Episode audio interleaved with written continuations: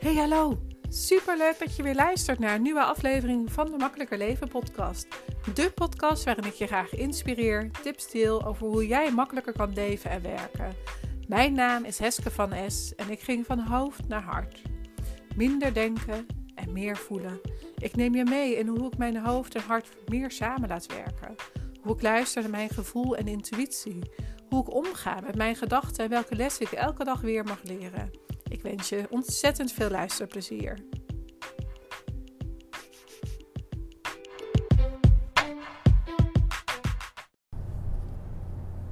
Welkom uh, bij een nieuwe aflevering natuurlijk.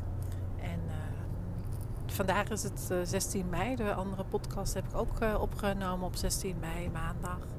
En nu rijd ik terug vanuit de repetitie naar huis.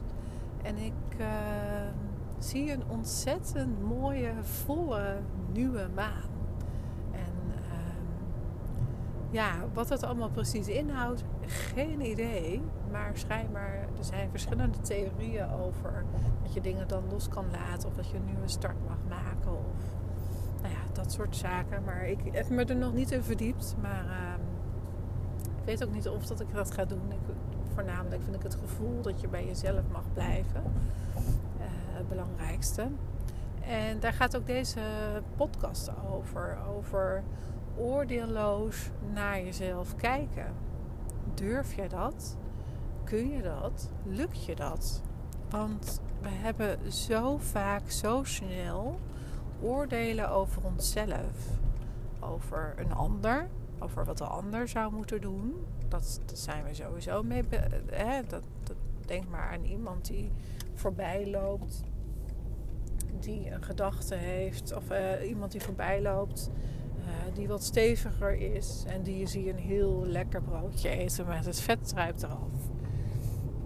In mijn gedachten, als ik dat zie, dan ga ik meteen denken van, oh ja, zo word je niet dunner.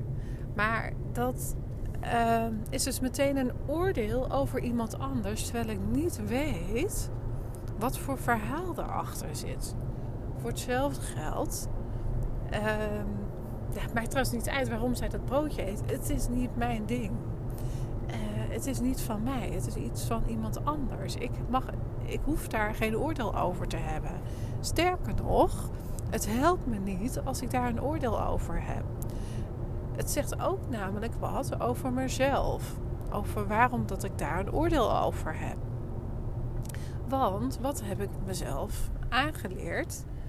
Uh, over hoe ik, uh, hoe ik naar andere mensen kijk. Heb ik dat vanuit vroeger, vanuit mijn jeugd, vanuit mijn puberteit, vanuit allemaal indrukken die ik heb gehad. Dat als je zeg maar dik bent, of nee, dat je eh, dik kan worden van niet goed eten. Ehm, en ik denk, zoals ik er nu naar kijk, en dat heb ik niet altijd zo gedaan, is dat als jij gewoon gebalanceerd eet, uh, dat je echt af en toe gewoon iets lekkers kan eten. En dat je dat jezelf ook gewoon mag gunnen. Dus het is voor mij niet het feit dat, je, dat ik een oordeel heb over iemand die een broodje eet. Nee, dat zegt iets over mij. Over dat ik denk uh, dat als ik zeg maar zo'n lekker broodje eet, dat ik daar dus dik van word. En wat die ander doet, dat moet die ander helemaal zelf weten. En daarom ben ik benieuwd, wat voor oordeel heb je over jezelf? Als je bijvoorbeeld iets lekkers eet. Als je bijvoorbeeld een lekker broodje eet en dat je denkt van ja, weet je, dat kan ik eigenlijk helemaal niet eten. Want ik heb net besloten dat ik af ga vallen. En nou ja, dat broodje, dat kan ik nu, dat gun ik mezelf niet. En dat bedoel ik eigenlijk met oordeelloos naar jezelf kijken. Dat um, iedereen oordeelt over zichzelf. Als je uh, dat met de, op een liefdevolle manier doet, dus als je oordeelt op een liefdevolle manier en dat je een gedachte die opkomt die je niet helpt, uh, als, die, als je die bedankt van hé, hey, ik hoor je, dank je wel, ik heb je nu even niet nodig.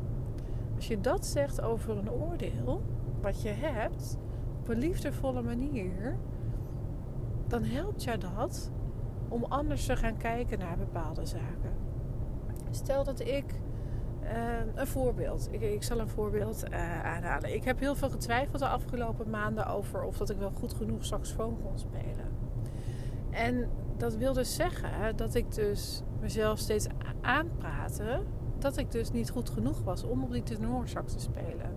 Even korte uh, introductie hiervan. Ik ben in, vorig jaar na corona ben ik in plaats van baritonsax ben ik op tenorsax gaan spelen. En dat was omdat baritonsax is best groot.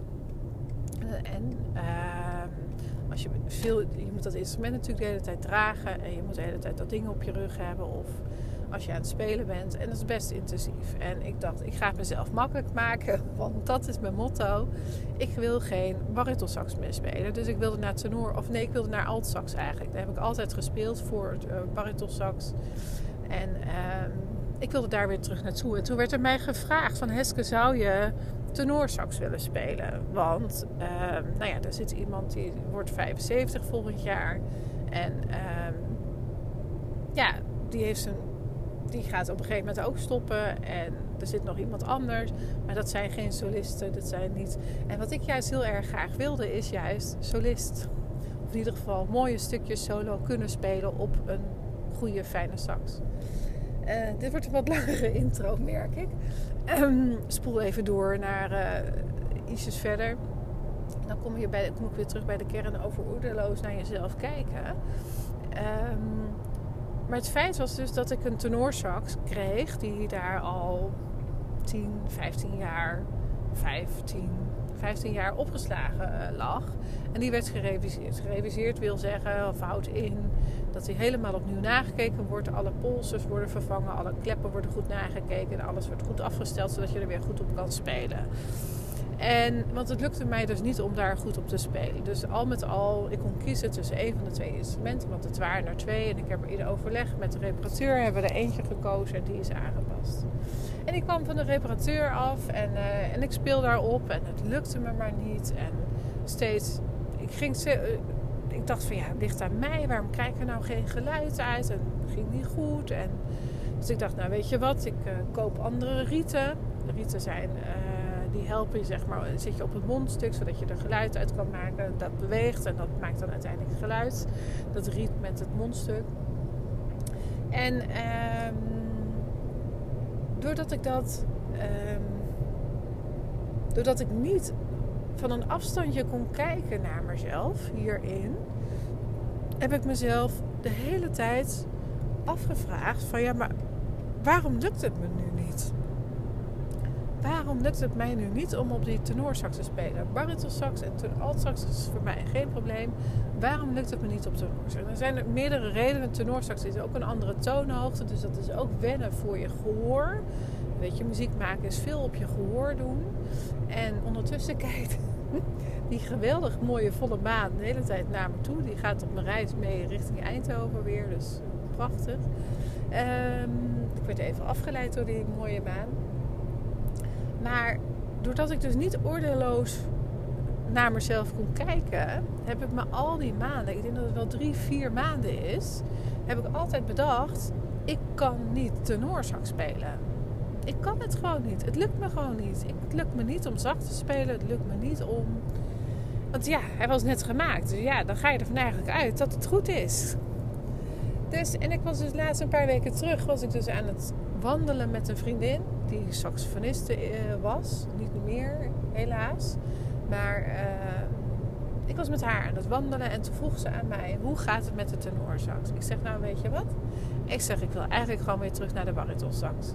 Of naar de altsax. Maakt me niet uit. Ik zeg maar: Ik ben er eigenlijk helemaal klaar mee, want het lukt me gewoon niet. Ik krijg er gewoon niks uit. En, uh, of het springt niet aan. Bepaalde noten komen er dan gewoon niet goed uit. En als je solo moet spelen, wat je dus af en toe wel moet, uh, is het wel fijn dat je zeker weet dat die noten eruit komen. Het maakt je heel onzeker. En mijn gedachten maken me dus heel onzeker, omdat ik niet zeker weet of dat die noot eruit komt. En toen zei zij, ja, maar het ligt niet aan jou. Ik denk, huh? Hoezo? Ligt het niet aan mij? Ik speel toch op die tenorsax? Ja, zegt ze, maar weet je, um, die tenorsax, het zou zomaar kunnen dat daar gewoon nog iets zit wat niet helemaal goed is. En waardoor dat jij het er niet uit krijgt. Ik denk, oh ja. Oh. Oké. Ik denk, oké. En hoe kom ik daar dan nu achter? Want ik dacht van ja, om nu weer terug te, om, om te bedenken van dat zij gelijk heeft. Dat het dus niet aan mij ligt. Wil ik natuurlijk wel zeker weten dat het niet aan mij ligt. Dat ik op een andere tenorsax er wel geluid uit krijg. Dus ik heb een, uh, iemand die vaker ook tenor, of die heel lang een tenorsax heeft gespeeld, maar nu tijdelijk gestopt is, heb ik gevraagd: mag ik jouw tenorsax lenen? Weet je, dat is een eigen instrument, dat kost echt een paar duizend euro, dus dat leen je echt niet zomaar even uit. En hij zei meteen ja. Dus nou, was super. Weet je, ik dacht ja, als ik het niet ga vragen, dan weet ik zeker dat het een nee is. Um, en hij zei dus ja tegen mij. En ik heb dus instrument opgehaald en ik speelde ermee op een repetitie. En ik dacht, kut. Het lag dus echt niet aan mij. Ik heb me dus gewoon drie, vier maanden voor de gek gehouden. En zoveel getwijfeld aan mezelf. Dat het dus niet aan mij lag. Het lag dus echt aan het instrument. Dus ja, en dat bedoel ik met oordeelloos naar jezelf kijken. Durf je hij eruit te stappen? Wat me dus in dit geval dus niet gelukt is. Ik kon eruit stappen doordat iemand anders een spiegel had. En die een andere mening had over mij, over mijn gedachten. Uh, want ik had natuurlijk alleen maar beperkende gedachten over dat ik het niet kon. En ik bleef daarin hangen. Ik kon er niet uitstappen. En doordat zij mij een spiegel voorhield en er heel anders over dacht dan ik erover dacht, uh, kon ik er pas uitstappen en kon ik pas actie ondernemen om dingen te veranderen en om uh, uit te zoeken of dat het inderdaad niet aan mij lag. En daarvoor, als ik het niet tegen haar had verteld, dan had ik er denk ik op dit moment nu nog uh, mee gezeten. En dan had ik niet het concert op een hele geweldige tenorsax gespeeld. Maar had ik mezelf uh, ontzettend ongelukkig op dat podium gevoeld. Uh, en had ik die solo's niet goed kunnen spelen. En dat is dus het grote verschil. En ik ben zo blij dat dit op deze manier is gebeurd. En dat ik niet hier nog langer in had uh, blijven hangen. Uh, doordat ik een spiegel werd volgehouden. En dit is maar een klein voorbeeld. het heeft drie, vier maanden gekost. Maar het is maar een klein voorbeeld over waar we in kunnen blijven hangen. Wat maakt dat jij zo over iets denkt? Wat maakt dat jij zo kritisch naar jezelf bent? En natuurlijk, we zijn de hele dag door gaan onze gedachten. Als je eh, mijn masterclass hebt gevolgd eh, over negatieve gedachten, als je hem niet hebt gevolgd, zal ik het een kort stukje toelichten. Of luister dan even naar podcast 3 of 4. 3 denk ik. Die gaat over negatieve gedachten. Ehm weet je, dat is een herhalend patroon. En als je niet uit je cyclus kan stappen, dan blijft het je in de weg zitten. En dan lukt het je dus niet zomaar om je gedachten te keren. En vaak heb je daar iets anders voor nodig. Een coach of een spiegel of een... Uh, een spiegel bedoel ik dan in de zin van iemand anders die uh, jou in laat zien uh, dat het dus niet zo is. Dus mijn mijn zoon kan het bijvoorbeeld heel goed, mijn dochter kan het heel goed, mijn partner kan dat heel goed. Uh, vriendinnen kunnen dat natuurlijk heel goed. Maar je moet het wel durven te zien en durven te luisteren naar wat iemand anders zegt. En daardoor ook te voelen van, oh, is het ook zo? Is het echt waar wat ik denk? Ligt het inderdaad aan mij? En en oordeelloos wil dus zeggen dat je niet meteen een conclusie trekt dat het aan jezelf ligt, of dat het aan iemand anders ligt, of dat het aan een instrument ligt. Maar dat betekent eigenlijk dat je gaat onderzoeken alle facetten die erbij horen. En oordeelloos naar jezelf kijken is ook houden van jezelf. Is ook met liefde naar jezelf kijken als je in de spiegel kijkt. Ik heb heel lang gehad, het wordt nu steeds beter, dat als ik naakt of in mijn onderbroek voor de, nou, meestal in mijn onderbroek, uh, voor de spiegel sta, dat ik uh, mijn strepen op mijn buiken, buik van de zwangerschappen, niet mooi vond. En dat ik er dan een beetje aan zat te wrijven. Zo van, ja, dan gaat het weg. Maar dat gaat natuurlijk niet weg. Maar nu denk ik er heel anders over. En het voelt ook anders. Want het heeft mij gewoon twee kinderen opgeleverd. Het, zijn gewoon strepen dat twee kinderen in mijn buik hebben gezeten. Dat het een huisje is geweest voor mijn kinderen. En hoe kan ik daar oordeel, oordelend naar zijn dat ik strepen heb op mijn buik? Terwijl die ook buik zoveel gedragen heeft, letterlijk en figuurlijk, dat ik denk van ja, dat is, dat is, dat is, dat is helemaal niet handig. Dat helpt me niet. Het helpt me niet om daar zo over te denken. Dus elke keer als ik nu in de, in de spiegel kijk en als ik dan zeg maar uh, naar mijn buik kijk, dan denk ik van oh, kijk, jij mooie buik. Je hebt me daar uh, twee kinderen mee opgeleverd. En tuurlijk zitten er dan gedachten in van oh ja, maar dat, uh, dat velletje daar of dat flubbertje daar, dat hoort er niet. En toch voel ik me als ik nu in de spiegel kijk, doordat ik er anders mee omga, veel beter. Veel liever, veel liever voor mezelf. En dat gun ik jou ook. Dat je liefdevol naar jezelf kijkt. En oordeelloos naar jezelf kijkt. En probeer als iemand anders iets tegen jou zegt, of als jij aan iemand anders iets vraagt, ook te luisteren naar wat die persoon zegt. Of als iemand anders een mening heeft, je hoeft niet de mening meteen aan te nemen, zeker niet. Want een mening van de andere zegt namelijk ook iets over de ander. Als je denkt, terugdenkt aan het voorbeeld over uh, het broodje en uh, iemand die wat stevig is. Dat zegt namelijk ook iets over mij, over dat ik voel dat, uh, of ik denk, mijn gedachten zijn zo, dat ik denk dat als je een lekker broodje eet waar het vet vanaf druipt, dat je daar meteen dik van wordt. Dat zijn mijn gedachten. En dat is niet waar. Omdat ik daar nu anders over denk. En dat houdt dus ook in dat je je gedachten niet altijd serieus hoeft te nemen. Je mag je, je gevoel serieus nemen. Je gevoel, je lichaam, dat zegt wat de waarheid is. En, en dat heb ik in het stukje van de saxofoon, zat ik vooral in mijn hoofd. Dat is gewoon uh, heel duidelijk. Ik zat daar in mijn hoofd en ik kon daar niet los rustig naar kijken.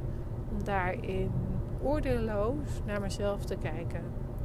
En daar heb ik weer van geleerd.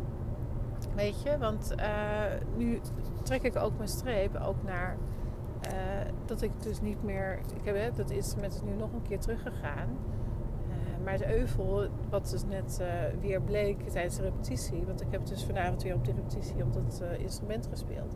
Het is niet goed genoeg verholpen. En ik weet dat ook omdat ik gisteren tijdens het concert op die geweldige, perfecte sax die ik heb mogen lenen, um, heb, ja, heb ervaren, heb mogen ervaren dat het dus anders kan.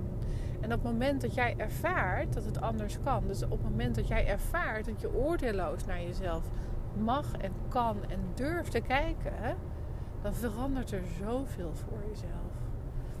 En ja, dat is eigenlijk mijn boodschap voor deze podcast. En wat daarbij helpt is om dingen die je tegen jezelf zegt, om die voor jezelf op te schrijven en te bedenken van oké, help me dat. Help mij als ik zo naar mezelf of over mezelf praat. Bijvoorbeeld over je dikke billen hè, in jouw ogen of uh, je borsten, of je borst, of je handen, of je voorhoofd, of je oren, of je wat dan ook aan je lijf wat jij niet mooi vindt. Ga het maar eens onderzoeken voor jezelf. Is dat ook zo? Is het ook echt niet mooi? Of brengt het jou. Uh, of heb je een andere norm, een andere norm van iemand anders wellicht? Van je ouders of je opa en oma of van vrienden of vriendinnen of van familie, wat dan ook, heeft iemand ooit iets gezegd over jouw lichaamsdeel. Ik weet dat mijn ouders, mijn vader vooral, die zei alles wat je eet uh, elk pondje komt door je mondje. Nou, die zit er gewoon lekker in. Weet je, ik gebruik hem zelf niet. Uh, zeker niet naar mijn kinderen. Uh, maar ik doe het wel op een andere manier inmiddels. En mijn ouders hebben dat weer geleerd van hun ouders. Hè? Dus het is, het is geen kwaad, het is geen. Uh, maar het zijn oordelen of het zijn gezegdes die wel in je hoofd blijven hangen, die oordelend zijn uh, en die je onbewust met je meedraagt.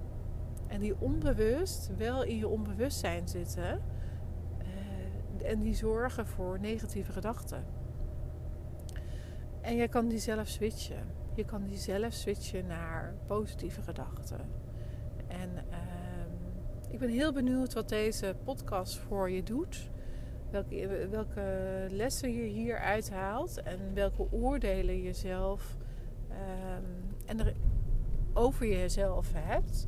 En er is geen goed of fout. Dat is echt, weet je, er is geen goed of fout hoe jij over jezelf denkt. Als jij er tevreden mee bent, is het helemaal prima. Maar als je deze podcast luistert omdat je makkelijker wil leven, dan zijn er bepaalde dingen in je leven niet zo makkelijk als dat jij wil dat het is.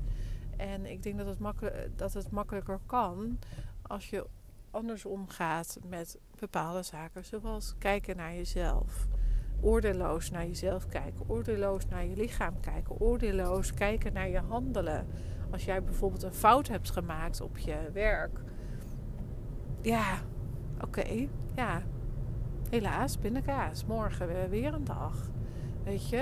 En natuurlijk heeft het een hele grote impact als jij een hele grote fout maakt. Maar weet je, als jij het anders, als jij het had geweten dat je die fout zou maken, dan zou je hem niet maken. Zo is het ook. Van fouten leer je. Je zal het dan niet gewoon nog een keer doen. Dat leer ik mijn kinderen ook. Fouten maken mag. Echt. Ook op je werk. En het ergste wat kan gebeuren. Ja, weet je. Ik weet niet wat er erg is. Wat, wat het ergste is wat kan gebeuren als je een fout maakt. Ja, dat er iemand doodgaat. Maar dan ben je echt een arts of een of een uh, chirurg of dat gebied denk ik dan eerder. Of uh, bij de brandweer of politie of ambulance, dat soort zaken. Maar weet je, ook daarin uh, mag je fouten maken. Want je, je kan niet altijd op en top je kunnen werken. Dat gaat niet. Dus... Uh, nou ja, eh, genoeg over dit onderwerp. Ik hoop dat je in ieder geval inspiratie eruit hebt gehaald over hoe dat jij oordelend over anderen naar anderen kijkt, maar voornamelijk naar jezelf. Voornamelijk naar jezelf. En ook, en nog een tip, ehm, als je oordelend kijkt naar een ander, onderzoek dan eens even wat het over jou zegt. Wat zegt dat voor jou? Welke oordeel heb jij daarover? Zoals ik bij dat broodje of Um, en ook de, gedag, ook de dingen die je tegen jezelf elke dag zegt.